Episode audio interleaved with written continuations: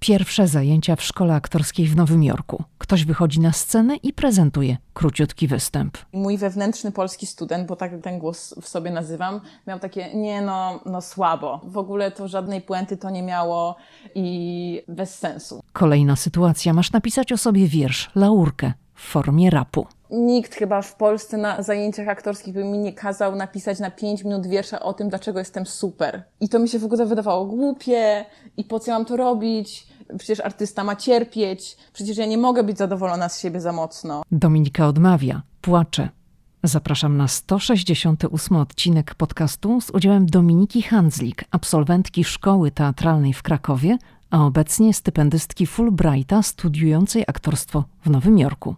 Dominika opowie między innymi o tym, czego nauczyły ją te dwa doświadczenia, co zrobiła, by dostać stypendium, które finansuje jej studia aktorskie w Nowym Jorku, jak również o tym, jak uczyła się aktorstwa w Polsce, a jak uczy się w Stanach. Zanim zaczniemy, jeszcze przypomnienie. Ruszyła promocja na moją książkę Ameryka i my, Promocja w ramach Black Friday trwa do końca następnego poniedziałku, czyli do 28 listopada 2022. Promocja obejmuje książkę we wszystkich formatach. Szczegóły na www.amerykaimy.pl.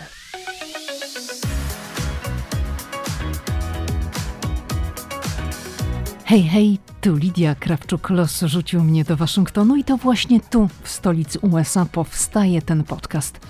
Opowiadam w nim o Ameryce, o podróżowaniu po Stanach, a z moimi gośćmi rozmawiam o życiu w USA. Ameryka mnie fascynuje.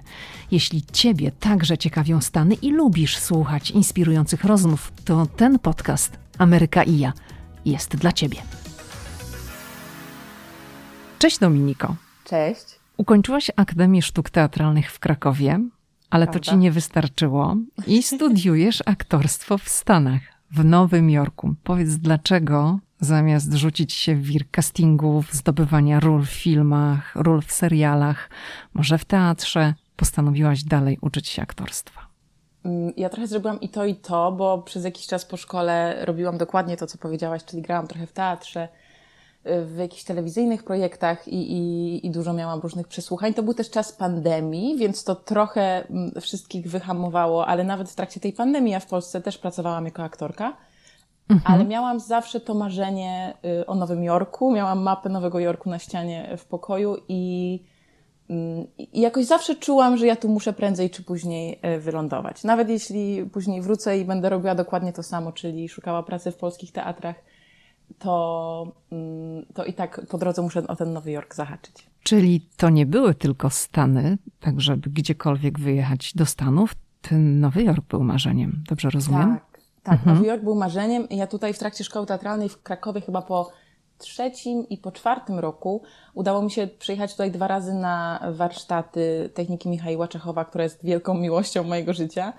I to e, zupełnie zmieniło mnie i mnie jako artystkę, ale mnie też jako człowieka i, i moje spojrzenie na wiele rzeczy. I wtedy też byłam w Nowym Jorku i, i tak czułam, że zbyt wiele wspaniałych rzeczy się wtedy dla mnie tutaj wydarzyło i czułam, że jakoś tak mnie to miasto niesie i wiedziałam, że chcę wrócić. I stwierdziłam, że powrót na wizie studenckiej jest dobrym patentem na to, jak tu trochę pomieszkać a później e, aplikowałam o stypendium Fulbrighta i, i to stypendium dostałam i właśnie dlatego tutaj jestem. No to porozmawiajmy o tym, bo tak jak powiedziałaś, jesteś stypendystką Fulbrighta. Tak. To powiedz nam, w jaki sposób przekonałaś komisję? Co znalazło się takiego w Twojej aplikacji, że przyznano Ci grant na studia aktorskie? Na, na, no, tak na stypendium, na studiowanie w Stanach, ponieważ stypendyści Fulbrighta no powiedzmy sobie to szczerze, zazwyczaj działają na trochę innych polach niż twoje. Zatem jaki był pomysł? Tak, ja też kiedyś jak usłyszałam o Fulbrightie pierwszy raz, chociaż pierwszy raz, jak teraz o tym myślę, to pierwszy raz usłyszałam o Fulbrightie od aktorki, więc wiedziałam, że to może się wydarzyć, bo um, poznałam taką amerykańską aktorkę wiele lat przed tym, jak sama aplikowałam, która przyjeżdżała na Fulbrighta do Polski i ja pomagałam jej się skontaktować z uczelniami w Polsce aktorskimi. Co ciekawe, to żadna uczelnia aktorska wtedy jakoś nie była tym zainteresowana i ona, mimo że to nie kosztuje uczelni nic, bo ona przyjeżdża jakby z, i ma finansowanie od Fulbrighta, ona w ogóle wylądowała w jakiejś uczelni muzycznej, ucząc nie, w ogóle nie zainteresowanych aktorstwem ludzi aktorstwa i miała trudne doświadczenia, e, ale ona na pewno była taką moją pierwszą inspiracją, że jest to możliwe w ramach Fulbrighta. Ale masz rację, że rzeczywiście głównie Fulbright i jak popatrzysz na listę absolwentów Fulbrighta, to tam jest mnóstwo zdobywców Nagrody Nobla albo premierów i prezydentów. Bardzo często to są nauki humanistyczne albo nauki ścisłe. Teraz bardzo dużo jakichś nowych technologii, mnóstwo informatyków, bioinżynierów wyjeżdża na Fulbrighta i takich też tutaj mam y, w Nowym Jorku Fulbrighterów znajomych z bardzo te, tego typu dziedzin. Artystów jest mniej, a już na pewno takich performatywnych sztuk jest mniej. Z tego co wiem, to jest nas chyba polskich Fulbrighterów, aktorów y, troje. Przed rok, kilka miesięcy przede mną, czy rok przede mną dostała tę nagrodę Ewelina Zawada, która niedawno wróciła z Los Angeles i w tym samym czasie dostał też mój kolega Kuba Margosiak, który z kolei robił swój doktorat i on um, przyjechał tutaj na research też związany z aktorstwem. No a y, i trzecią w tej grupie jestem ja i przyjechałam na studia do Nowego Jorku. Pytałaś mnie, co było w aplikacji, tak? Bo ja tak mhm. chyba powędrowałam z tym pytaniem. To, co mówisz, jest bardzo ciekawe, ale też właśnie chciałabym się dowiedzieć, co takiego znalazło się w Twojej aplikacji, bo ja od razu sobie myślę, że musisz być osobą kreatywną, czyli potrafić wymyślić sposób na siebie, jak się sprzedać. Bo żyjemy w takich czasach, że wszystko polega na sprzedaży, czyli musiałaś się bardzo dobrze sprzedać w tej aplikacji. Tak, Mm, opierałam się głównie na tym, jakie są. Znaczy, aplikacje to też są listy rekomendacyjne, CV, portfolio, personal statement, więc wszystkie takie rzeczy też tam gdzieś napisałam najlepiej, jak potrafiłam i, i rekomendacje zdobyłam. Ale główną częścią y, aplikacji jest wytłumaczenie komisji Fulbrighta, dlaczego akurat w Stanach mój projekt czy moje studia muszą być realizowane, co takiego jest w Stanach innego niż w Polsce. W mojej aplikacji dużo mówiłam o tym, jak ten system kształcenia mm, aktorów w Polsce się różni od tego w Stanach. One trochę mają inną, inną historię i, i na innych rzeczach się opierają. To pewnie jeszcze będziemy o tym więcej rozmawiać, y, ale y, mhm. to był na pewno jeden z głównych argumentów. Innym też było to, że moim pierwszym kierunkiem, kierunkiem studiów, który skończyłam w Polsce, to była produkcja filmowa. I też od tej strony produkcyjnej ten system amerykański jest zupełnie inny niż polski. Tutaj teatry są e, w większości prawie tylko i wyłącznie prywatne, komercyjne. Wszystko jest uzależnione od tego, czy widz kupi bilety, czy nie. W Polsce jednak mamy system, w którym to państwo w większości dofinansowuje teatry, co zupełnie zmienia sposób, w jaki się je tworzy. Wydaje mi się, że oba te systemy mogą się bardzo wiele od siebie nauczyć.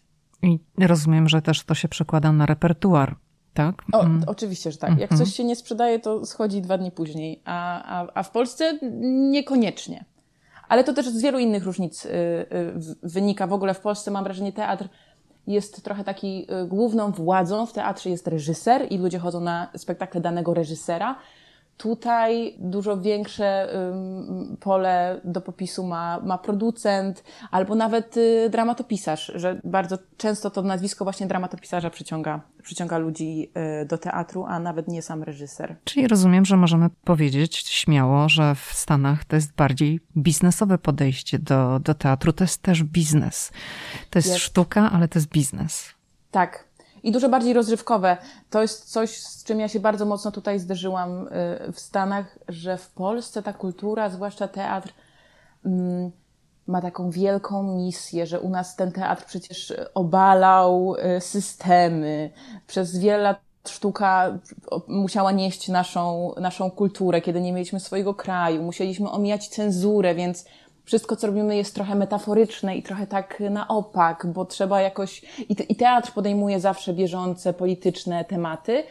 A tutaj y, ta sztuka jest dla rozrywki. To nie znaczy, że ona jest płytka. Ona bardzo często jest głęboka i wielowymiarowa, ale jest dużo bardziej mm, dosłowna, dużo bardziej taka ym, jednak nastawiona na to, że to musi być zrozumiałe dla widza i jest to też rozrywka, za którą on płaci, więc musi dostać to, za co zapłacił.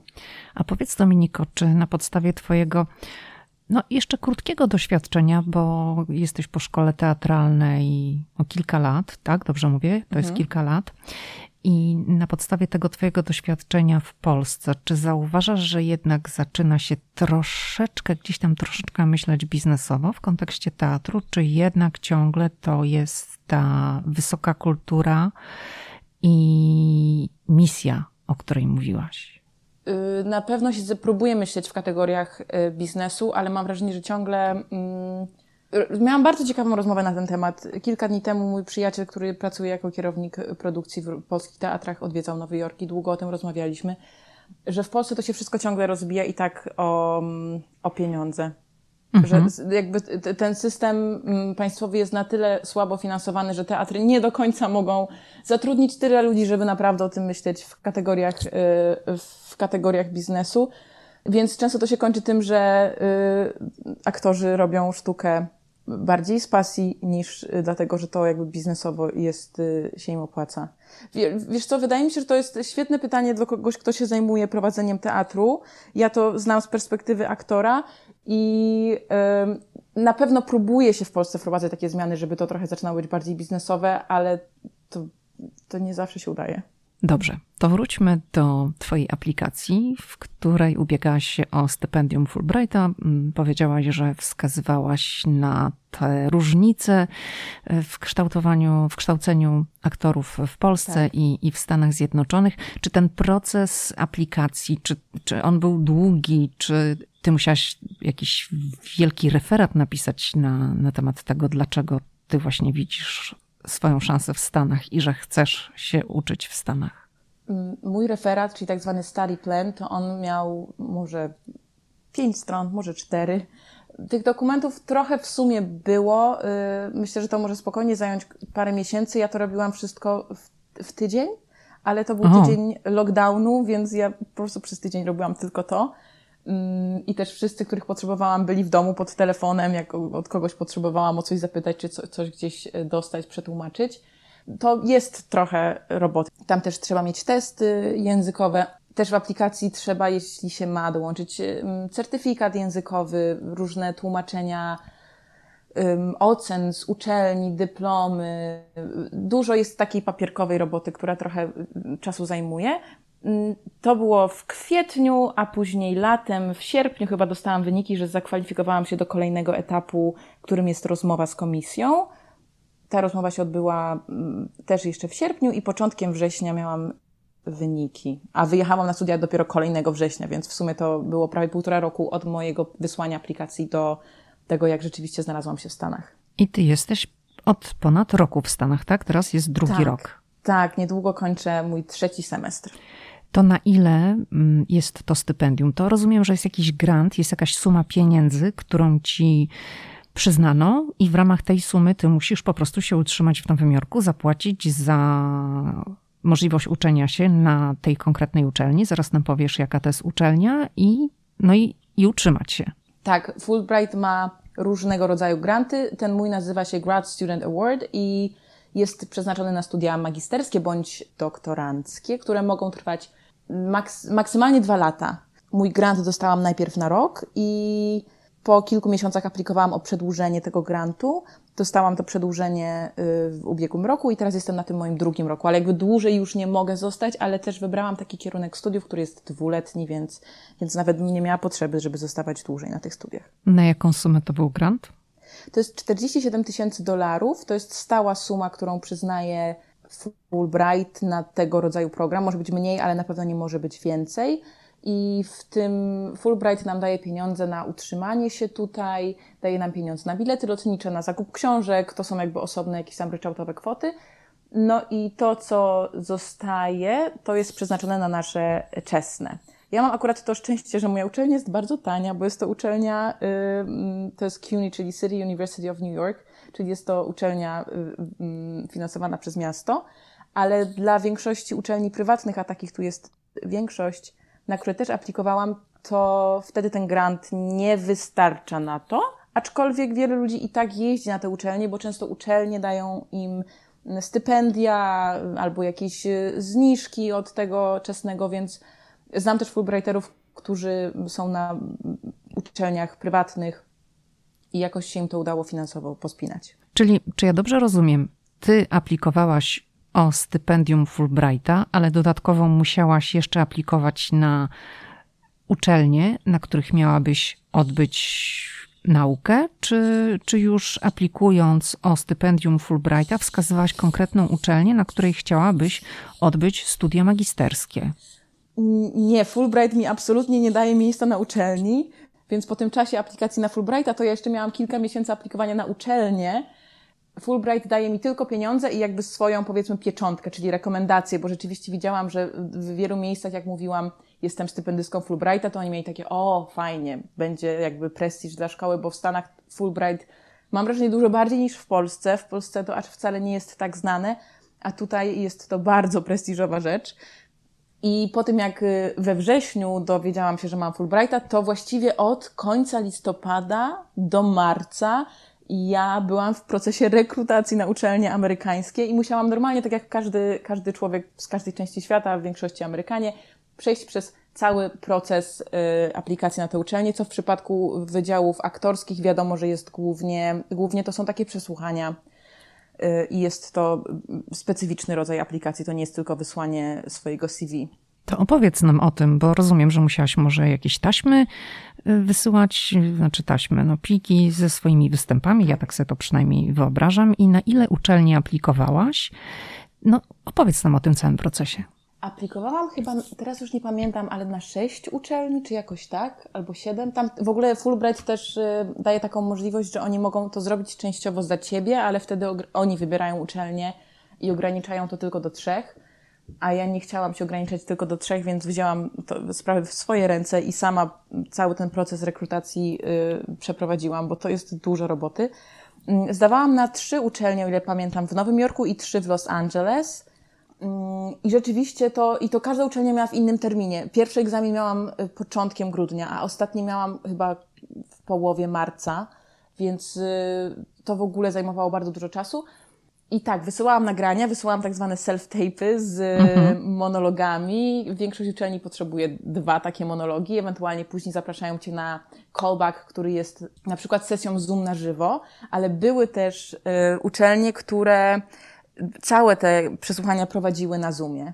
Co było bardzo ciekawe, pamiętam swoje przesłuchanie do NYU, które było moim pierwszym przesłuchaniem i czułam, że w ogóle tam poległam, bo to było bardzo trudne wyzwanie, bo to się działo o jakiejś bardzo późnej porze, bo w Stanach to było popołudnie, u mnie to był późny wieczór. I ja czekałam na tym Zoomie, y, siedziałam przed nim, czekałam na moją kolej, wiedziałam, że w ciągu następnego, na wstępnej pół godziny będę ja, ale nie wiedziałam kiedy więc byłam takiej ciągłej gotowości, że zaraz tu w ciągu minuty muszę odegrać swój wielki emocjonalny monolog. No i nagle ktoś się logował na tego Zooma.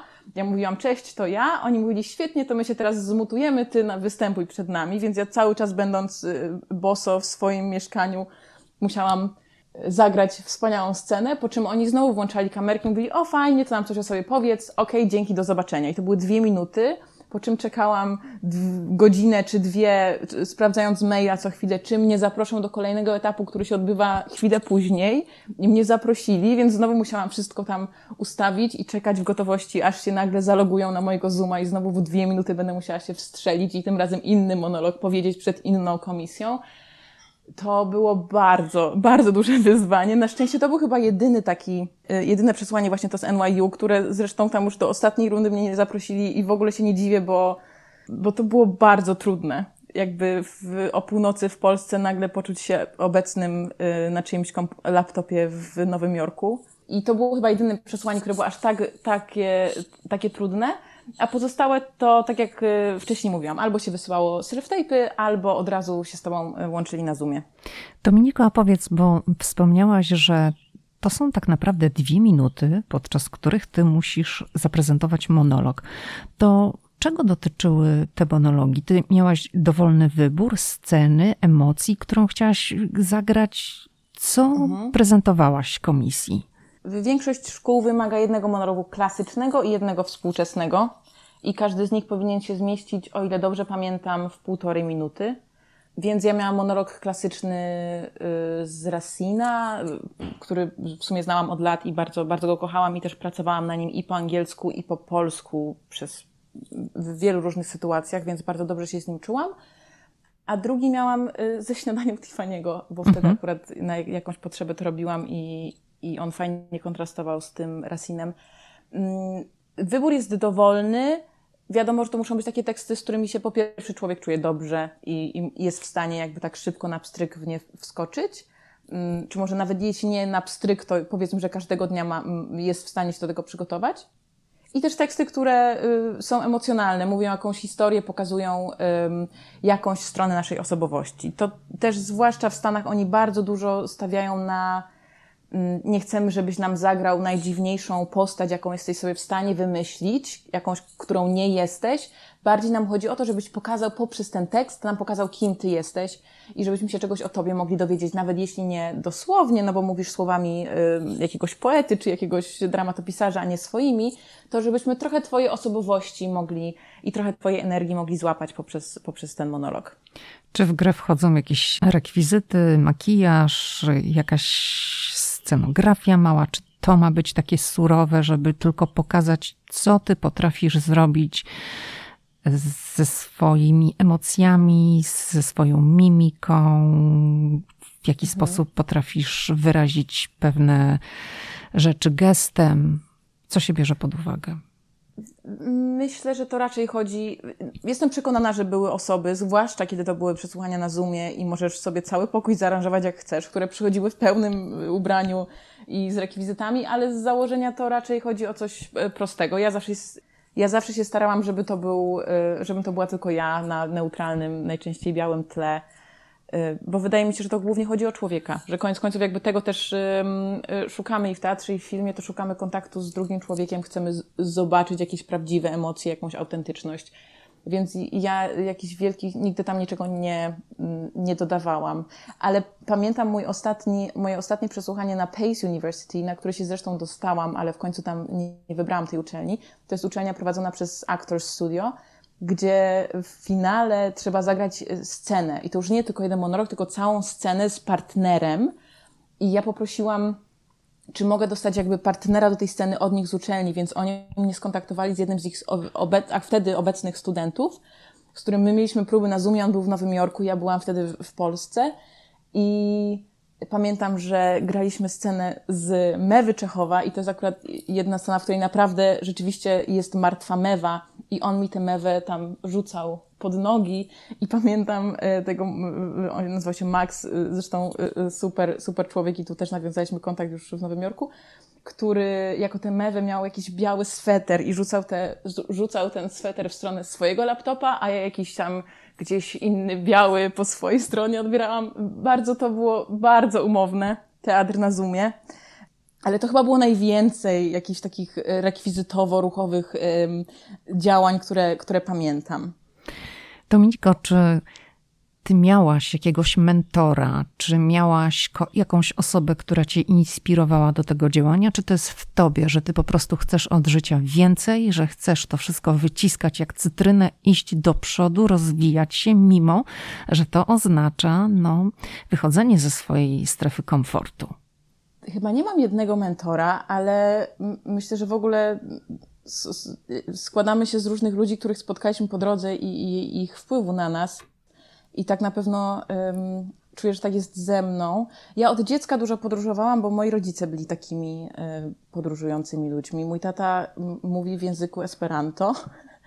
I przez to ja też wychowałam się podróżując w bardzo dziwne miejsca i poznając ludzi z całego świata, którzy mówili w języku Esperanto i w ogóle dorastałam w takim przekonaniu, że to jest normalne, że jakby wszyscy mówią jednym językiem i z całego świata ludzie się spotykają. Mm, będąc y, y, moje dzieciństwo to było jeżdżenie na esperanckie kongresy, gdzie byli ludzie, ludzie, ludzie ze wszystkich kontynentów i funkcjonowali razem jak rodzina, więc ja myślałam, że tak świat wygląda. Później trochę się musiałam dostosować i zobaczyć, że nie wszyscy myślą tak jak ja. Więc taką potrzebę podróżowania chyba miałam sobie zawsze od, od, od urodzenia. A później taką rzeczą, która na pewno bardzo mnie zainspirowała, to był właśnie ten Czechow. Michał Czechow, czyli twórca takiej techniki aktorskiej, której się uczyłam tutaj w Stanach jeszcze w trakcie moich studiów w Polsce. I ludzie, których tam poznałam, ogromnie mnie zainspirowali. Myślę, że to jest jedno z takich rzeczy, które zmieniło całe moje życie i to ze mną do, do końca zawsze zostanie. Czyli ten pierwszy wyjazd do Stanów sprawił, że tak. uznałeś, że chcesz więcej. Tak, ja wtedy też w ogóle kupiłam sobie bilet powrotny na miesiąc później, nie mając żadnego pomysłu, co ja ze sobą zrobię przez ten miesiąc i wcale nie mając aż tak dużo pieniędzy, żeby podróżować tak w, jakby w pełnej krasie. Więc y, miałam ogromnie dużo szczęścia, bo wtedy wszyscy znajomi, których poznałam w pierwszym tygodniu na właśnie warsztatach z Czechowa, nagle się okazało, że mieszkają wzdłuż całego wschodniego wybrzeża Stanów i każdy powiedział, przyjedź do mnie, koniecznie ugoszczę cię u siebie.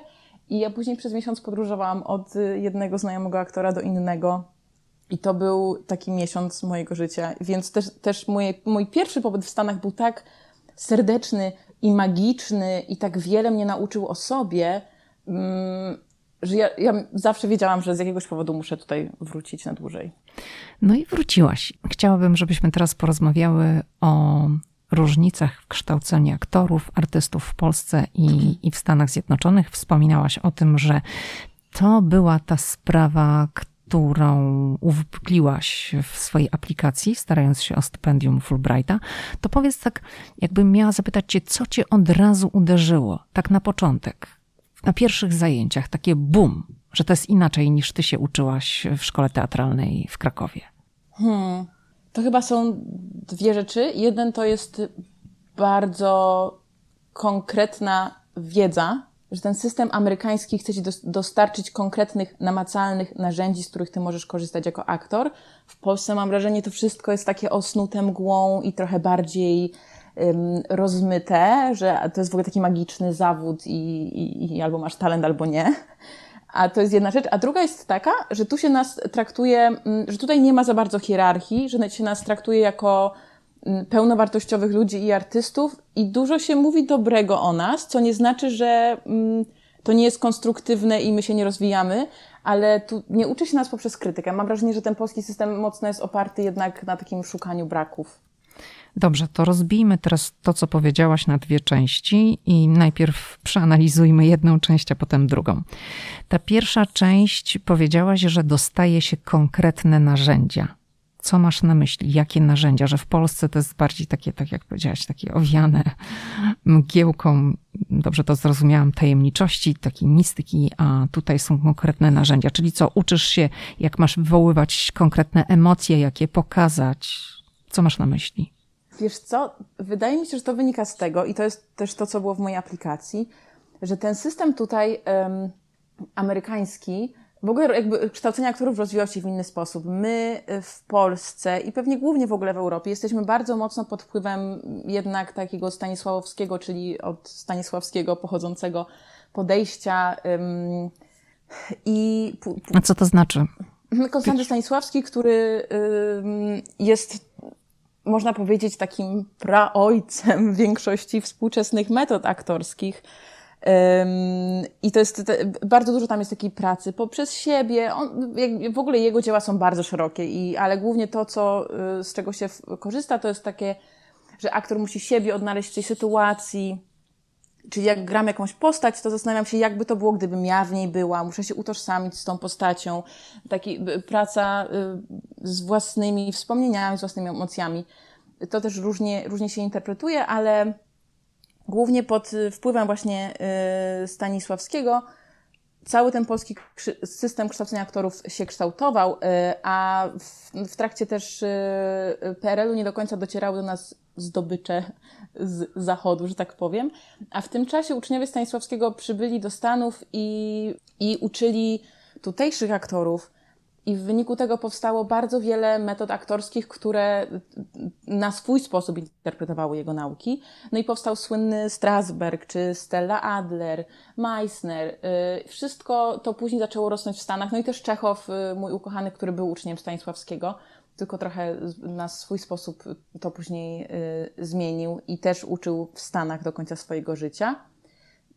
Te techniki są bardzo specyficzne. I tutaj są, y, to jest ta różnica, że tutaj w Stanach uczą ludzie, którzy specjalizują się w jakichś konkretnych technikach. Oni na przykład spędzili pół życia ucząc się techniki Adler i oni teraz ją pokazują swoim studentom. I ta technika ma konkretne narzędzia, konkretne ćwiczenia, przez które można przejść, które później można aplikować w tworzeniu postaci do spektaklu, do filmu czy. Ale daj czy... nam jakiś przykład. Jakiegoś narzędzia, jakiejś techniki, której ty się na przykład tutaj nauczyłaś, a której się nie uczyłaś w Polsce. Okej. Y, miałam super zajęcia, to jest w ogóle akurat technika, bo trochę zaczęłam Ci mówić o jakby całej tej, y, tej historii, ale miałam zajęcia z techniki, która która powstała chyba w ogóle z 15 lat temu, została pierwszy raz opublikowana, która się nazywa Lucid Body i to jest, są najwspanialsze zajęcia, jakie kiedykolwiek miałam w swoim życiu. To jest technika pracy ym, z emocjami, która opiera się na y, czakrach, na systemie siedmiu czakr. Z każdą, z każdą z tych czakr wiążą się inne emocje, nasze inne potrzeby, inne czasami, nie wiem, archetypy. I my pracując bardzo fizycznie poprzez ciało i uruchamiając emocje wypływające z różnych czakr, uczyliśmy się w ten sposób tworzyć na przykład postaci, albo analizowaliśmy postaci z dramatów, nad którymi pracowaliśmy, mm, na podstawie takiego wykresu, y, która energia czakry jest na przykład w kimś dominująca. Albo mam y, zajęcia, y, to takie były stricte aktorskie zajęcia, ale mam też zajęcia na przykład z oddechu i to jest dla mnie ogromne zaskoczenie, bo mm, myślę, że większość studentów szkoły teatralnej takie zajęcia jak wymowa czy tam oddech, to są takie techniczne zajęcia, które są mało fascynujące, a nasze zajęcia z oddechu tutaj są chyba największym wyzwaniem, bo uczymy się, to się nazywa Miller Voice Method i to jest taka metoda pochodząca, powstała w Nowym Jorku zresztą, Myślę, że jest może kilkunastu, kilkudziesięciu ludzi uczących jej teraz, bo ona jest dość nowa. Ona bardzo mocno mm, kontaktuje cię z oddechem, który ty masz używać później, jakby świadomie jako aktor używać go na scenie, bo mm, no, kiedy aktor, mamy takie powiedzenie, że kiedy aktor nie oddycha, to aktor jest martwy na scenie, bo oddech to jest mimo wszystko, no, bo oddech to jest życie. Mm, ale to jest y, metoda, która chyba dla mnie i dla wszystkich moich kolegów nas z bardzo wieloma ym, trudnymi emocjami w nas samych musiała skontaktować, bo nagle się okazuje, kiedy zaczynasz być świadomy tego, że w takich momentach wstrzymujesz oddech, ym, a w a na przykład sobie nie, nie dajesz sobie prawa głosu, żeby coś powiedzieć i zawsze, kiedy rozmawiasz z kimś, to w których momentach twój oddech robi to, albo robi coś innego, albo masz różne mechanizmy obronne, które są zakodowane w twoim ciele przez większość Twojego życia i nagle na przykład powrót do takiego oddechu, który jest niczym nie, y, niepowstrzymany i uwalnia się z niego wszystkie napięcia, wywołuje mnóstwo emocji. Naprawdę emocjonalnie najtrudniejsze były dla mnie zajęcia z oddechu, dużo bardziej niż niejedne zajęcia aktorskie, na których musiałam grać trudne sceny. Dobrze, Dominiko. To powiedziałaś tak tutaj taki teoretyczny wstęp nam zrobiłaś, to ja bym chciała, żebyś tak, wiesz, bardziej podziałała na wyobraźnię z takiego praktycznego punktu widzenia. No bo wiesz, no ja Zakładam, że większość słuchaczy w ogóle nie jest z tej branży, z której ty jesteś. No i dla nas niektóre rzeczy są, o których ty mówisz, taką czarną magią. Tak, no masz na pewno rację. Mm, widzisz co, wydaje mi się, że to jest tak, że tutaj nauczyłam się to, co mówię o tych konkretnych narzędziach, że na przykład kiedy gram scenę i czuję, że coś jest nie tak, to ja i moi koledzy mamy takie kilka rzeczy, do których zawsze możemy się odnieść. Albo pedagog nam na, przykład przerywa i mówi, zastanów się, co robisz ze swoim oddechem. Albo, i bardzo często się okazuje, że wtedy, kiedy ja nie wiem, co mam grać, to, się, to wstrzymuję w ogóle oddech i na przykład zupełnie nie oddycham. Albo mamy nauczyciela, który zajmuje się metodą Aleksandra, który mówi, a no widzisz, bo ty tutaj napięłaś szyję i ją wyciągasz tak mocno do przodu, to jak ty masz normalnie myśleć i jakby czuć się swobodnie na scenie, kiedy dajesz swojemu ciału tyle napięcia? Więc podejdzie i poprawi mi tę szyję i nagle się okazuje, o faktycznie, teraz to ja stoję na własnych nogach i jakby wiem, co mam dalej robić. Czyli dużo takich, powiedziałabym, technicznych wskazówek, nie takich mm, na poziomie emocji, tylko takiego kontrolowania swojego ciała, żeby to lepiej wszystko wyglądało, żeby jakby to wszystko w całość się składało? Tak to, roz, tak to rozumieć? Wiesz co, nawet nie, żeby lepiej wyglądało, ale żeby aktor czuł się swobodny na scenie. Bo, bo kiedy aktor jest y, sam jakby może grać oczywiście bardzo spiętą i zestresowaną postać, ale kiedy aktor jest zestresowany i spięty, to to, to, to nie masz ochoty na niego patrzeć za bardzo, a inna rzecz jest taka, że on też sam nie daje sobie komfortu tego, żeby naprawdę odnaleźć się w tej scenie i coś przeżyć, i coś opowiedzieć, jakąś historię mm, publiczności. Mm, to jest, dobrze zwróciłaś uwagę, że ja mówię o takich technicznych rzeczach, bo mm, to też jest specyfika moich studiów, że to są, że to są studia y, magisterskie i w Stanach to działa tak, że większość ludzi najpierw kończy takie zwykłe studia aktorskie, idzie na kilka lat do zawodu i później wraca na taką, takie uczelnie magisterskie, jak ta moja. Mm, I ja też tak mam, że mam tam ludzi, którzy są już z dość dużym doświadczeniem i trochę już w życiu pograli. Więc mam wrażenie, że my się nie uczymy takich podstaw jak w ogóle znaleźć w sobie emocje na scenie, jak, y, jak w ogóle zbudować postać, tylko uczymy się czasami takich bardzo zaawansowanych niuansów, które sprawiają, że to, co my już umiemy, potrafimy trochę lepiej Mm, lepiej później na scenie zrealizować. Dlatego często jak już gramy sceny, to nikt z nami nie pracuje na jakichś takich podstawach, jak w ogóle się do tego zabrać, tylko my po prostu dostajemy scenę i tydzień później przychodzimy na zajęcia i wchodzimy i już jakby ją gramy, jakby właściwie była gotowa. A ktoś później nam zwraca uwagę na takie właśnie yy, niuanse. Chciałabym teraz wrócić do początku tego pytania, bo pytanie było o różnice w kształceniu aktorów, artystów w Polsce i w Stanach, i tutaj podzieliłyśmy to na dwie części.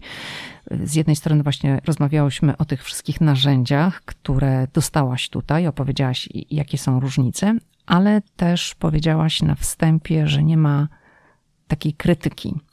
I no rozwijmy ten, ten wątek, bo jak wiemy, od paru miesięcy w Polsce no bardzo głośno jest na temat mobbingu, który był stosowany na niektórych uczelniach aktorskich w Polsce, więc chciałabym, byś się do tego odniosła. Jak widzisz te różnice w Polsce i w Stanach w podejściu do studenta, w, no w tej krytyce, w tych zachowaniach na, na linii student-nauczyciel? Dotknęłaś dwóch rzeczy. Jedno to jest um, sposób chyba dawania feedbacku i w ogóle patrzenia na studenta i to o tym Ci powiem najpierw, a do tego takich mobbingowych rzeczy to też się chętnie odniosę jeszcze. Mhm. Pamiętam moje pierwsze zajęcia, jedne z może nawet pierwsze, pierwszego dnia chyba. I mieliśmy, to były zajęcia w ogóle z maski, robiliśmy swoje maski, yy, różnych, takie maski, no wiesz, takie teatralne, różnych dziwnych postaci, bardzo takie komediowe zajęcia, prześwietne. A co to znaczy zajęcia z maski? Robiliśmy różne maski.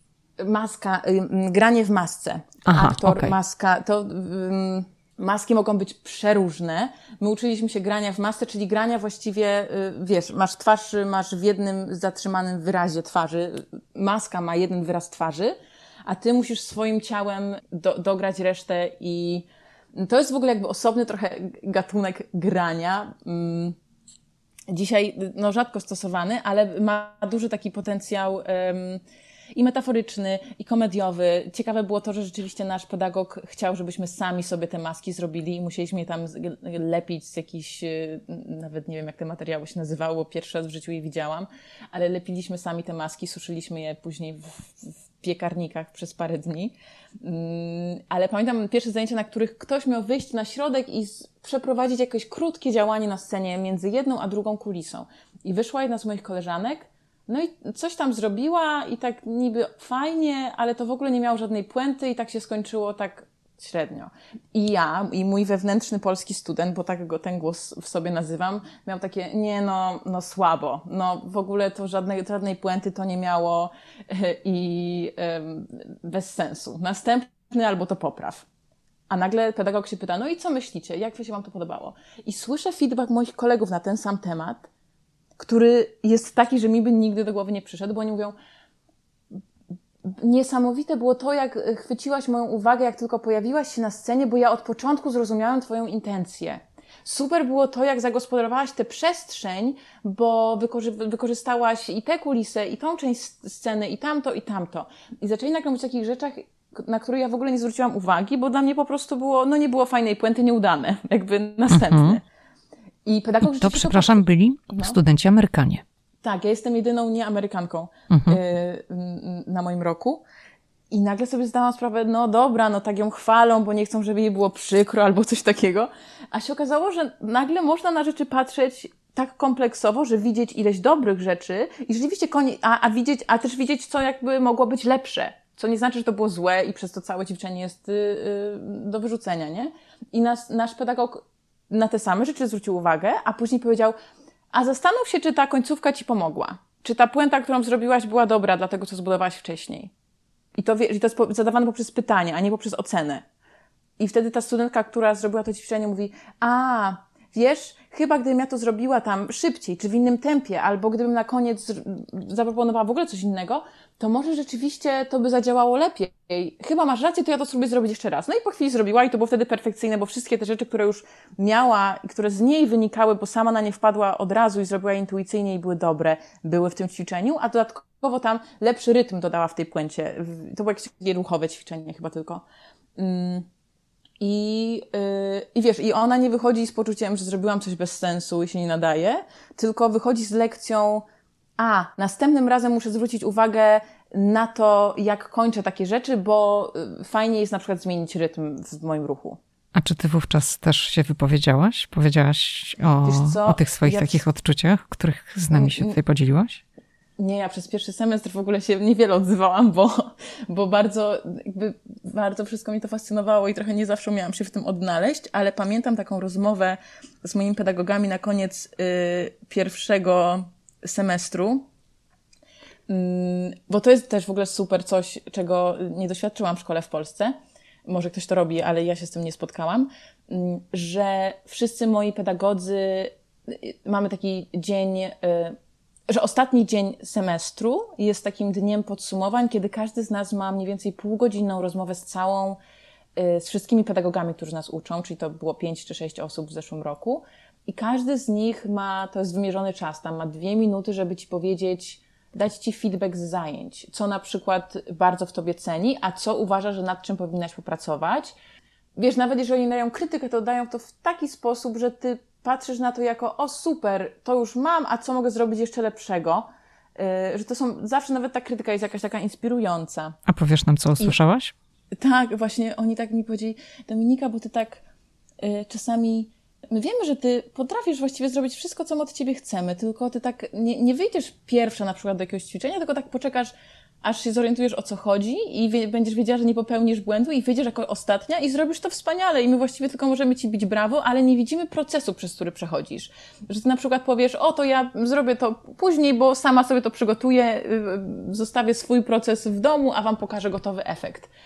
I ja wtedy sobie zdałam sprawę, że to jest to, czego ja się nauczyłam chyba przez całe moje życie. Ja też jeszcze wcześniej byłam w szkole muzycznej, więc w ogóle jakby taki to wszystkie te doświadczenia się mocno nakładają, że no, nikt nie chce widzieć mojego procesu do końca, czy tego, jak tam yy, czegoś nie umiem, tylko w, bo bo to może być od razu poddane ocenie, więc ja się bezpiecznie czuję z tym, jeżeli wiem, że coś potrafię zrobić, to sama sobie to przygotuję, sama popełnię błędy w sali prób, a później przyjdę z czymś gotowym. A oni powiedzieli, nie, nie, nie Dominika, ale my właśnie tu chcemy widzieć Twój proces, my właśnie chcemy Cię widzieć wtedy, kiedy Ty nie wiesz, bo wtedy razem możemy Cię naprowadzić na coś nowego. A to, że Ty umiesz to zrobić, to my wiemy, ale my Cię chcemy widzieć, widzieć w tym procesie, y, w którym jesteś w nieznanym.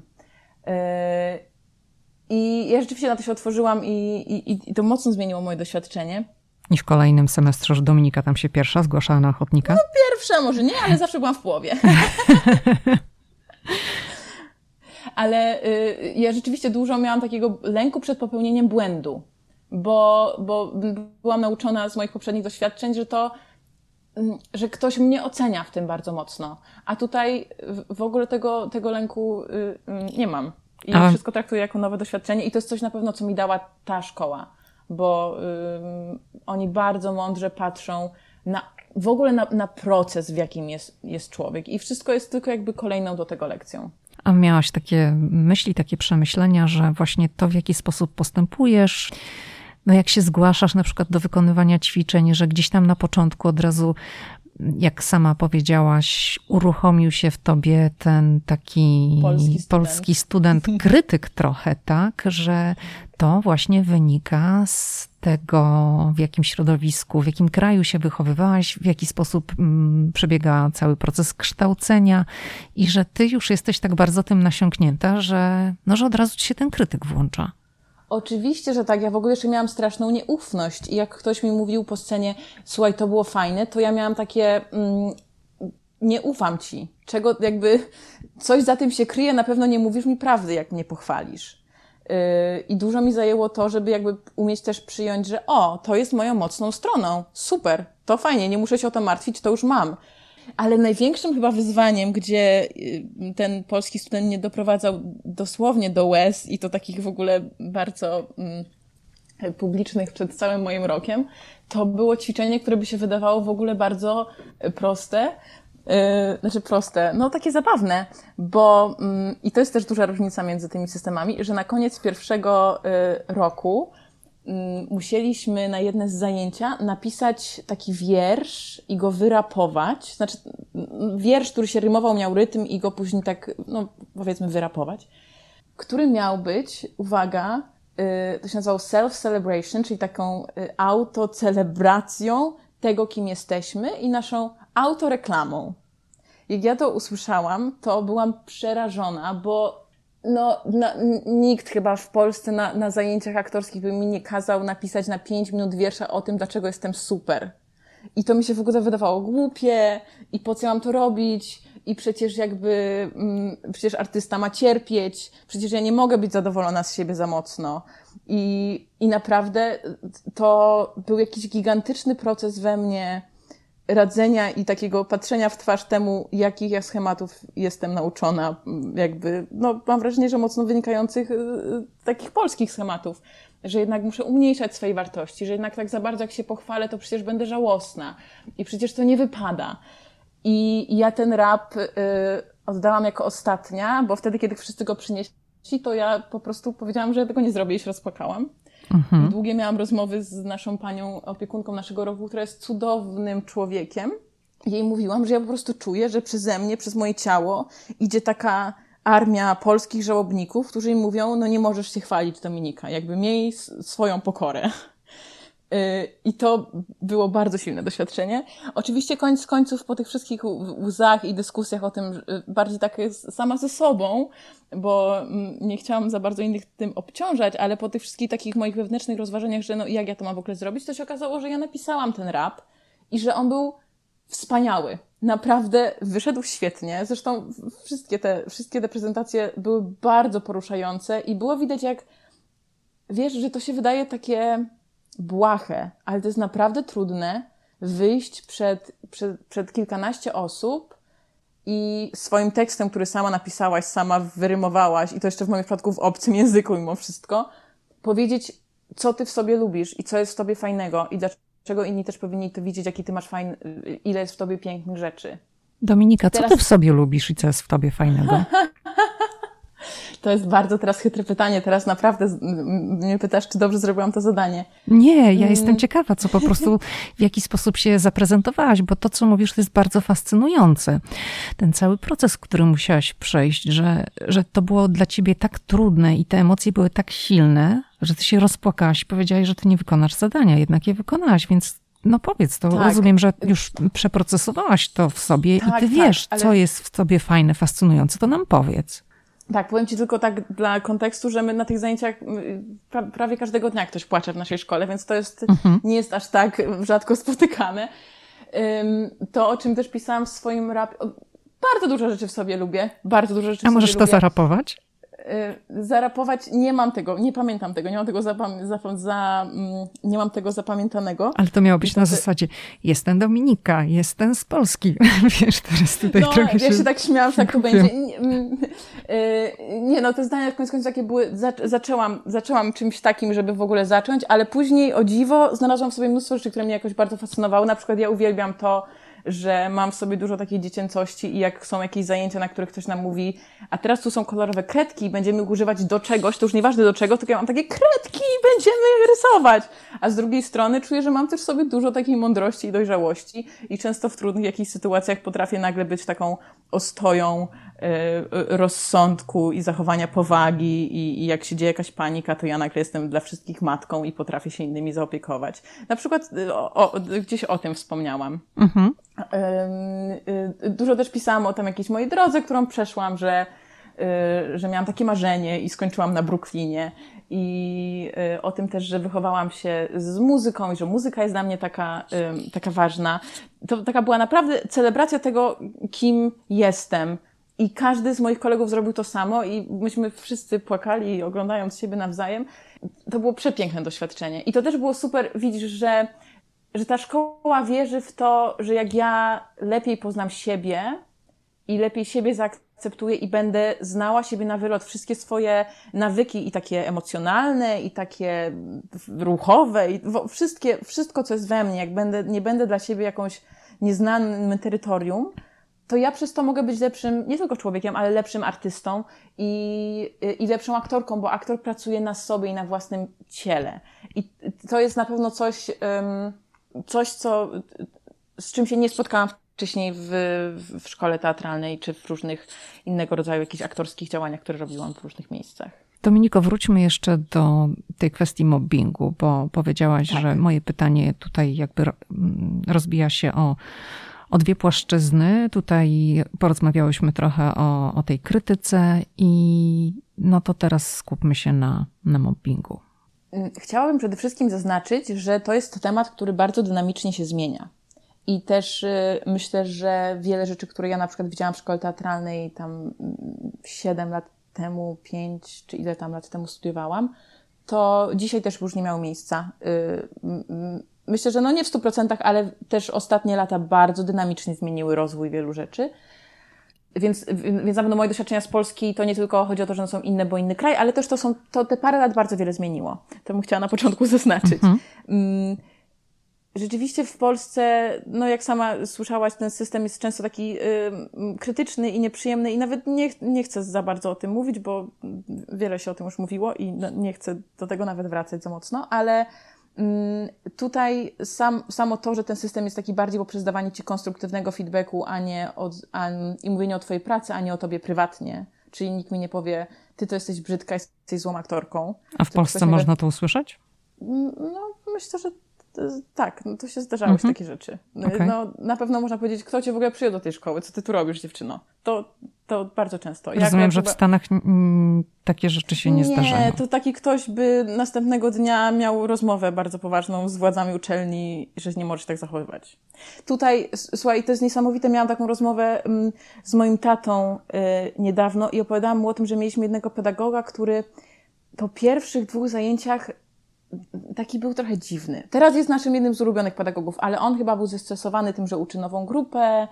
My jakoś tak go nie rozumieliśmy i, i naprawdę wszyscy mieliśmy taki, takie duże wewnętrzne nie chcę z nim pracować. I to gdzieś wyszło w trakcie rozmowy z naszą opiekunką naszego programu, która, no, o której też wspominałam wcześniej, która jest cudownym człowiekiem i, i mamy do niej takie bardzo przyjacielskie z nią stosunki. I jak ona o tym usłyszała, to w ogóle prawie z każdym na roku gdzieś znalazła chwilę, żeby zapytać, jak się czujesz na tych zajęciach, co tam się dzieje.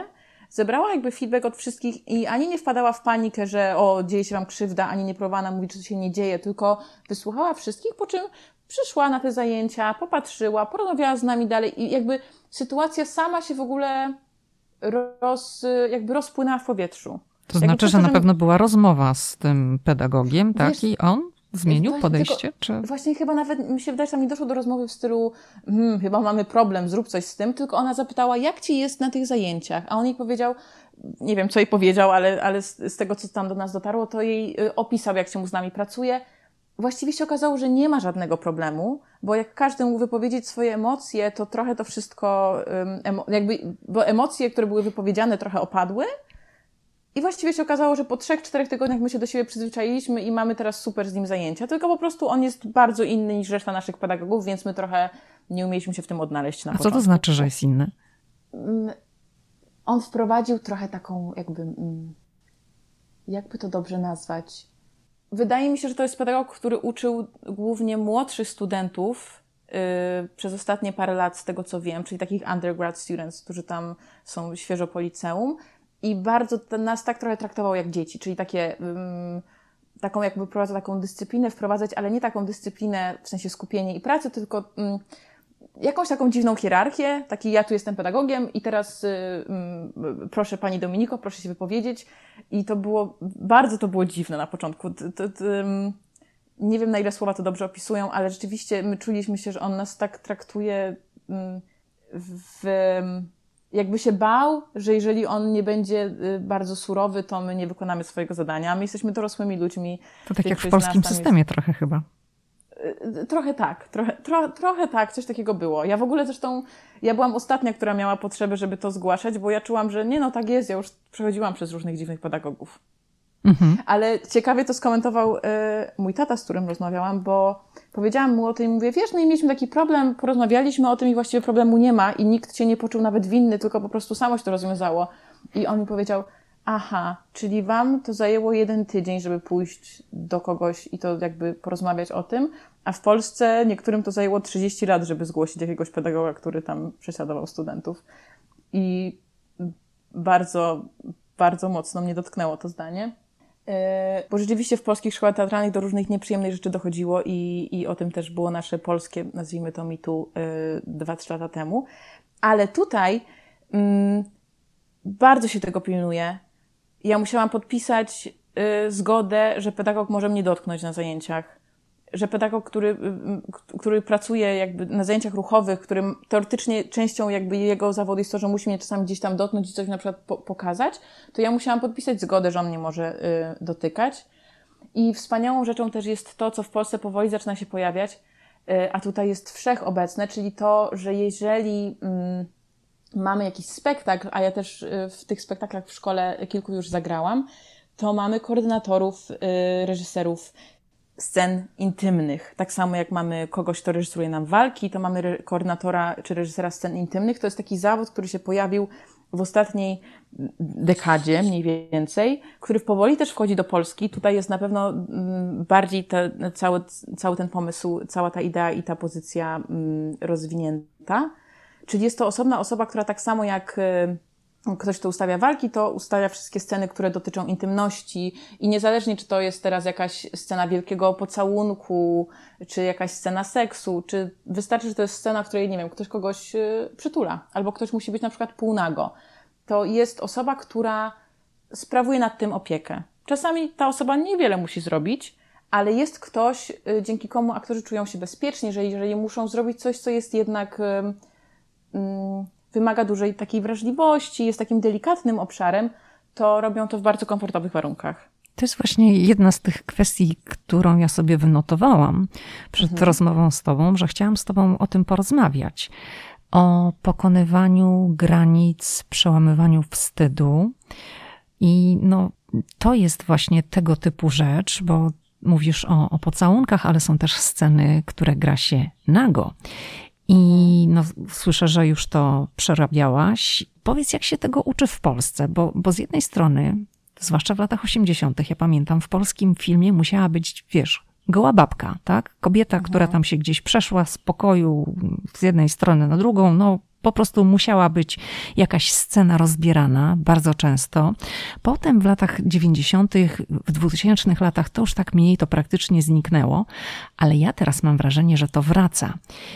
Zwłaszcza zwraca w produkcjach, które są dedykowane dla różnych platform, gdzie mhm. tych scen rozbieranych jest mnóstwo, dość dużo odważnych scen seksu, również pokazywania mężczyzn nago, co nie było dawno takie typowe. Gdzieś tam czasem kawałek pośladka się pojawił na ekranie, a teraz bywa, że jest pokazywane wszystko. I to jakie jest właśnie podejście do tematu grania scen, które wymagają, wiesz, bycia całkowicie nago? Mhm. I, I powiedz, jak się ty z tym czujesz? Wiesz co, wydaje mi się, że to, yy, czy takie sceny są w produkcjach, czy nie, no to zawsze to są jakby indywidualne, artystyczne wybory twórców danego filmu, serialu czy spektaklu teatralnego. I Ale zauważasz, jakby... że teraz jest więcej znowu takich scen? N nie wiem.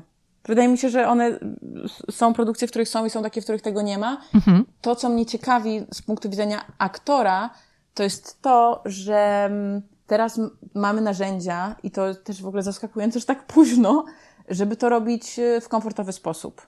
Nie miałam za bardzo y, doświadczenia grania nago, a na pewno nie robiłam tego w Polsce. Zastanawiam się nad tym, ale chyba nie.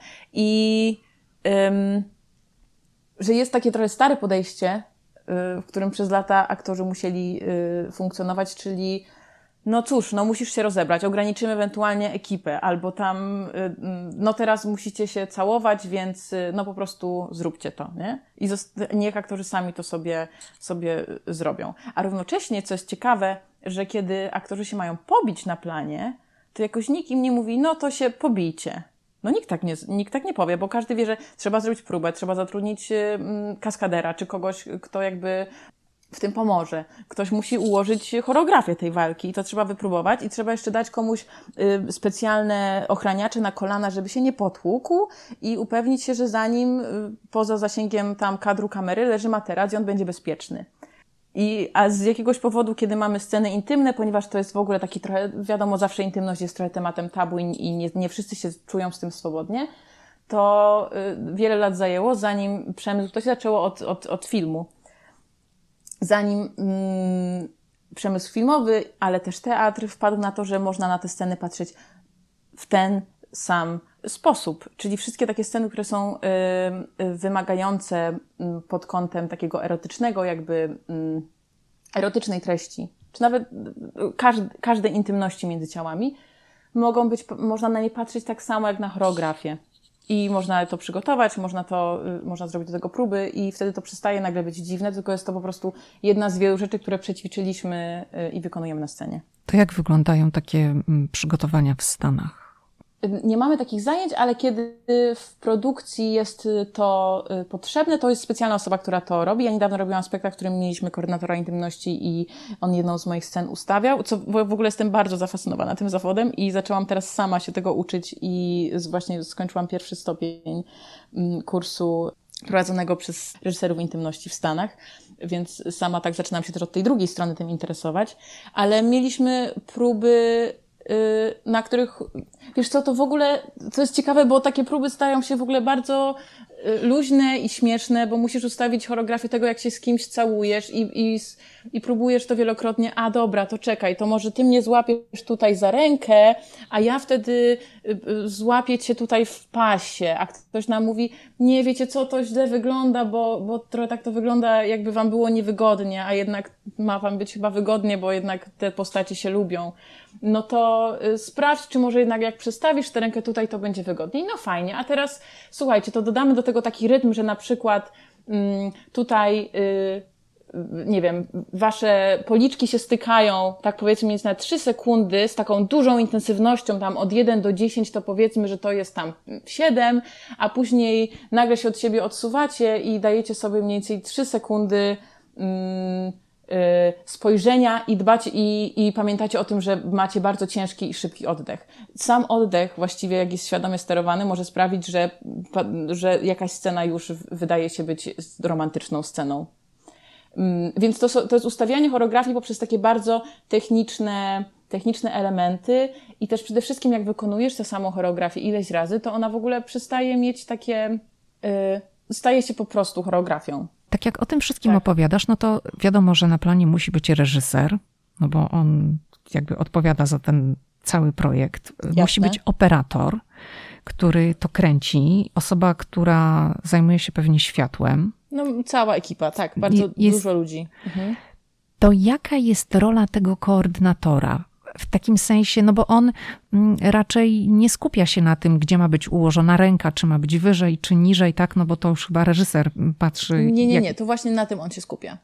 O. To znaczy koordynator intymności, powiedzmy, i w teatralnym w procesie, i, i, w, i w filmowym jest obecny od, y, od początku prób, jakby na, naświetla, które sceny wymagają jakby wsparcia yy, i analizuje scenariusz i razem z aktorami, z reżyserem ustala, że okej, okay, to w tych i w tych sekwencjach będę wam pomagać. Po czym powiedzmy, na przykład tak było w naszym przypadku, że scena była jakoś tam luźno już ustawiona i on w którymś momencie, yy, i wiedzieliśmy, że w tym momencie te postaci w scenariuszu na przykład mają się całować. Yy.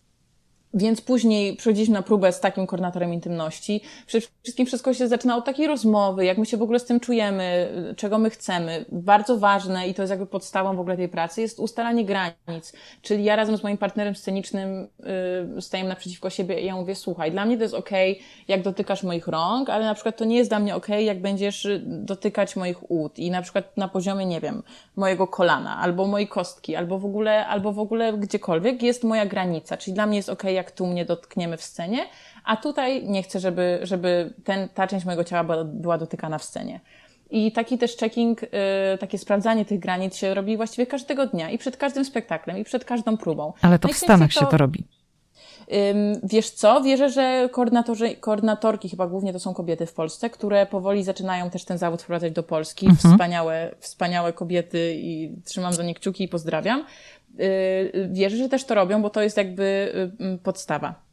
Mhm. To, jest u mnie, to jest u mnie w ogóle podstawa właściwie pracy teraz nad większością scen, zwłaszcza takich, gdzie jest jakiś kontakt fizyczny, że i to jest coś, czego się absolutnie nauczyłam w szkole i to jest dla nas jak no, codzienność, że mamy takie, okej, okay, gdzie cię mogę dotknąć. I nawet jeżeli to jest y, kolega z klasy, z którym ja zagrałam już 50 Ale w której szkole się nauczyłaś? Tutaj w Stanach czy w Polsce? Tutaj w Stanach, mhm. tutaj w Stanach, okay. tutaj w Stanach. I nawet jeżeli to jest mój kolega z klasy, z którego mogę codziennie na przywitanie, wiesz, przytulić i, i czuję się absolutnie swobodnie dotykając go tak w codziennych przyjacielskich relacjach, to my i tak czy siak przed sceną powiemy, ej, y, co dla ciebie jest dzisiaj ok i gdzie w tej scenie jakby, na, jeśli jest potrzeba, że nasze postaci się mają jakby gdzieś dotknąć, y, to co dla ciebie jest ok, a co dla ciebie nie jest ok. I wiesz co, to, mm, to daje ci takie poczucie bezpieczeństwa, bo to, że ktoś z tobą konsultuje twoje granice, to sprawia, że ty też wiesz, że możesz na przykład, możesz je mieć w ogóle i możesz powiedzieć nie. A wydaje mi się, że i to jest aktorzy często są uczeni do tego, że ty masz się zgadzać na wszystko, bo, no bo jesteś aktorem. I jak się na coś nie zgadzasz, to jesteś problematycznym aktorem, bo boisz się coś zagrać, albo boisz się rozebrać, albo boisz się zrobić coś, co jest y, niebezpieczne i powinien to zrobić kaskader, kaskader, ale to jest fajne, kiedy aktor się zgadza na wszystko i mówi tak. A tymczasem aktor, tak samo jak każdy człowiek, ma prawo powiedzieć nie. Albo ma powiedzieć, słuchaj, no nie chcę być nago, y, ale myślę, że na przykład y, mogę zrobić coś innego, albo nie chcę, żeby było widać moje pośladki, ale jest to dla mnie ok, kiedy będzie widać całe moje plecy, więc może na przykład jesteśmy w tę scenę ustawić w taki sposób, żeby ona dalej była romantyczna, żeby opowiadała te historie miłości, czy przemocy, czy pożądania, czy, czy czegokolwiek, żeby ona dalej spełniała swoją rolę w filmie czy w sztuce, ale żeby ona była z poszanowaniem moim granic, żebym ja się czuła w niej swobodnie, bo kiedy się czuję w niej swobodnie, to mogę też wtedy dobrze wykonać swoją pracę, czyli opowiedzieć emocje danej postaci. A kiedy ja się prywatnie jako aktor będę czuła, mm, że moje granice są przekraczane, y, no, no to, to pewnie nie wykonam swojej pracy tak dobrze. że Może wykonam, ale później nagle odkryję, że mam jakąś traumę z tego powodu. Mm, więc wracając do Twojego pytania, mm, nie wiem, czy to się zmienia się obecność jakby na gości w filmach. Dla mnie ważne jest to, że zmienia się podejście do tego i całe szczęście w Polsce też to się zaczyna zmieniać, e, bo, bo, bo tak jak mówiłam, mamy te koordynatorki intymności też, które pojawiają się przy kolejnych produkcjach, ale na pewno to się jeszcze nie zmienia aż tak mocno jak tu, bo tutaj po prostu ten zawód powstał trochę wcześniej. Ale też jest prawda, że po tych wszystkich aferach, które tutaj były, no to ludzie się trochę boją zrobić produkcję i nie zatrudnić kogoś takiego, bo jeśli dojdzie do jakichś przekroczeń, no to jakby po ich stronie jest y, zaniedbanie, że nie zadbali o to, żeby był ktoś, to, kto jest przy aktorach, przy takich scenach i, mm, y, i koordynuje te wszystkie tego typu trudne sytuacje na planie. Dominiko, powiedz, czy ty masz apetyt na Stany? Czy chciałabyś tutaj spróbować grać na tym rynku? Czy uczestniczysz w castingach, wysyłając y, pliki ze swoimi mm, występami? Czy, czy bierzesz udział w takich castingach? Czy wracasz do Polski po zakończeniu to jest swojego bardzo dobre, stypendium? To jest bardzo dobre pytanie, na które w pełni nie mam jeszcze odpowiedzi. Częścią Fulbrighta jest to, że Fulbrightorzy mają wrócić do swojego kraju na jakiś czas, bo jest to program wymiany czyli y, to wszystkie, całą tę wiedzę, którą zdobędziemy w Stanach, mamy później przyjechać do kraju, się nią podzielić, co z przyjemnością y, zrobię, ale też czuję, że tu tak wiele kontaktów pozdobywałam już, teraz y, niedługo będę robić pierwszy taki projekt no, z ludźmi ze szkoły, ale już trochę poza szkołą, więc będę grała już jakby nie, nie tylko w szkolnych rzeczach. Mm, więc widzę, że to mi się też tak tu fajnie rozwija i, i poznaję dużo ludzi, z którymi bym chciała pracować, więc na pewno to nie jest tak, że jak skończę te studia, to już tutaj nigdy, yy, nigdy nie wrócę. Będę na pewno szukała sposobów, żeby tu trochę, jeszcze na trochę zostać i, i próbować też yy, działać artystycznie. A stypendium Fulbrighta na jaki okres nakazuje ci wrócić zaraz? Musisz wrócić zaraz po jego zakończeniu? Mm, nie, to stypendium Fulbrighta wymaga tego, że nie mogę się przez dwa lata starać o wizę imigrancką, co tak naprawdę to jest bardziej to jest skomplikowany mhm. proces. Ja też po, po studiach mogę zostać jeszcze na rok tak zwanych praktyk po, mm, po ukończeniu studiów. Więc niewykluczone, że jeszcze na kolejny rok zostanę właśnie w ramach tych praktyk. Ale to jest y, przez najbliższe kilka miesięcy, to jest pytanie, które na pewno będzie ze mną y, bardzo, mm, będzie obecne w moim życiu. I będę je rozważać. A powiedz, czy mm, macie jakąś taką społeczność osób, które właśnie otrzymały, tak jak ty, stypendium Fulbrighta? Czy, czy jesteście w jakimś stowarzyszeniu? Czy macie jakiś kontakt? Jest jakaś grupa? Czy to po prostu każdy sobie przyjeżdża, już sobie robi tam co chce? Y, nie mamy stowarzyszenia, ale mamy grupę na WhatsAppie, y, bardzo aktywnie działającą. Mm, nie wiem, jak jest w innych miastach, bo Fulbrighterzy są w całych Stanach i z tego, co rozmawiałam z tymi Fulbrighterami z innych miast, to, to chyba Nowy Jork jest, y, ma najwięcej w ogóle Fulbrighterów, czyli stypendystów Fulbrighta z całego świata i bardzo jest to zżyta ze sobą społeczność. Jest nas chyba kilkaset, myślę, że około 300 osób z jakichś 60 krajów albo nawet więcej. I to są moi najbliżsi przyjaciele. Zwłaszcza jak tu przyjechałam na początku, to, to oni zastąpili mi trochę rodzinę, bo wszyscy byliśmy w podobnej sytuacji, czyli byliśmy z dala od domu, specjalizowaliśmy się w czymś, jakby w jakiejś specyficznej dziedzinie, w której byliśmy dobrzy i dostaliśmy y, to stypendium i próbowaliśmy się odnaleźć w Nowym Jorku. Mm, tak, mamy super y, społeczność i, i często się spotykamy i, i, różne ciekawe rzeczy robimy. W zeszłym tygodniu pojechaliśmy do Upstate, czyli tam do góry stanu Nowy Jork i zbieraliśmy razem jabłka. To co, co robisz jeszcze w Nowym Jorku? Bo rozumiem, że uczelnia zajmuje ci, no wypełnia ci trochę dzień, masz swoje aktywności, chodzisz na zajęcia, musisz się do nich przygotować, ale co robisz, w jaki sposób korzystasz z Nowego Jorku? No bo nie wierzę, że nie korzystasz. Y, korzystam kiedy mogę, chociaż moja uczelnia, zwłaszcza w tym semestrze, to często tam po 14 godzin dziennie spędzałam czasu. Mm, robiłam też dużo artystycznych rzeczy poza szkołą, bo na przykład chodziłam na zajęcia z tańca na Broadwayu, albo znalazłam wspaniałą nauczycielkę od, y, od śpiewu, która też uczy na Manhattanie. No dużo, na pewno dużo oglądam y, teatru i, i sztuki. Nowy Jork ma w sobie coś takiego, że czasami wystarczy, że wyjdziesz z domu, pójdziesz w jakieś miejsce i od razu poznasz kogoś, kto ci powie o czymś i ty następnego dnia już tam będziesz i tam poznasz innych ludzi, którzy cię gdzieś zaprowadzą, więc tu ciągle coś, coś się dzieje. Jakie są Twoje plany po powrocie? Wrócę do tego pytania. Czy Ty dalej mhm. chcesz być aktorką? Czy może jednak pójdziesz w tą, no powiesz, wspomniałaś, że robisz tutaj ten kurs bycia takim reżyserem intymności. Nie wiem, czy można tak to przetłumaczyć, tak, tak, tak, tak, reżyserem intymności, to czy ty właśnie chcesz iść na tą drugą stronę? Nie przed kamerą, tylko za kamerą. Wiesz co, ja trochę takich doświadczeń po drugiej stronie miałam, bo pracowałam jako kierownik produkcji przez jakiś czas y, przy studenckich projektach, ale, ale miałam taki epizod i chyba nie chcę za bardzo po tej drugiej stronie być. Mm, na pewno chcę dalej się spełniać jako artystka. Ja też jestem muzykiem i, y, i trochę teraz mi czasu na tę muzykę brakuje, ale na pewno to jest coś, czym też chcę się zajmować. Mm, y, y, jeżeli mi się uda rzeczywiście y, kontynuować tę moją fascynację koordynacją intymności, to mam nadzieję, że też uda mi się to robić w Polsce, ale raczej te studia mnie jeszcze mocniej zafascynowały tym, co, co robię już od wielu lat, więc rozważałam to przyjeżdżając tu, że może być tak, że te studia mnie zniechęcą i w ogóle wrócę do Polski i powiem, będę, będę stolarzem od dzisiaj, ale chyba tak nie będzie.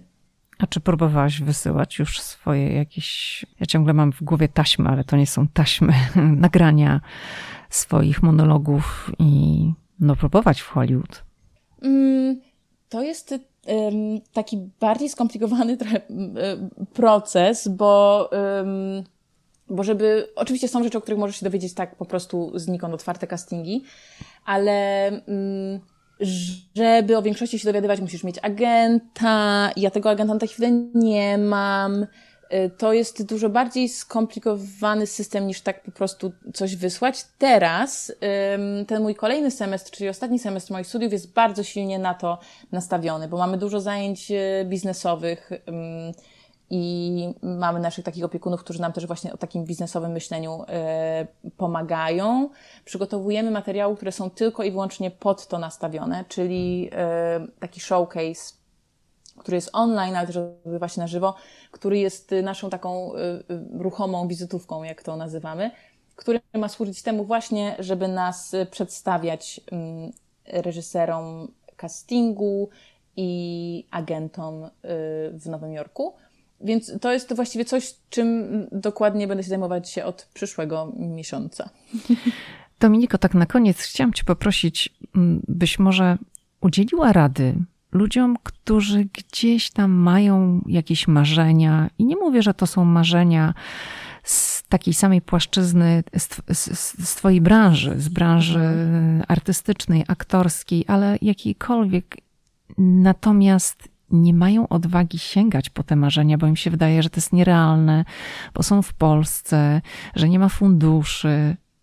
Jak to zrobić i jak ty byś takim osobom, w jaki sposób byś im poradziła? Co mają zrobić jak się zmobilizować, jak zacząć działać?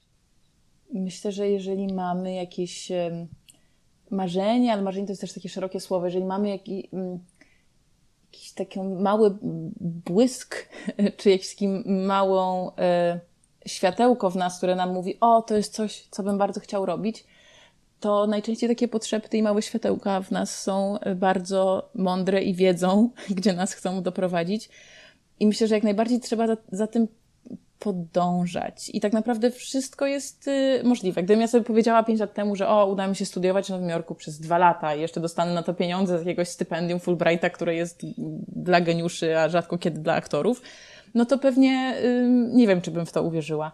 A krok po kroku wszystko udało mi się zrealizować. I to, to jest chyba też to. Wiesz, że marzenia y, się nie spełniają tak z dnia na dzień Chyba, że ktoś wygrywa w totolotka, a o tym zawsze marzył, to się może wydarzyć z dnia na dzień. Ale wydaje mi się, że większość marzeń to po prostu trzeba robić pierwszy krok, a później drugi, a później trzeci i tak iść krok po kroczku i nagle w którymś momencie się obracamy do tyłu i patrzymy, o wow, jestem tu, gdzie kiedyś wydawało mi się, że nigdy nie dotrę.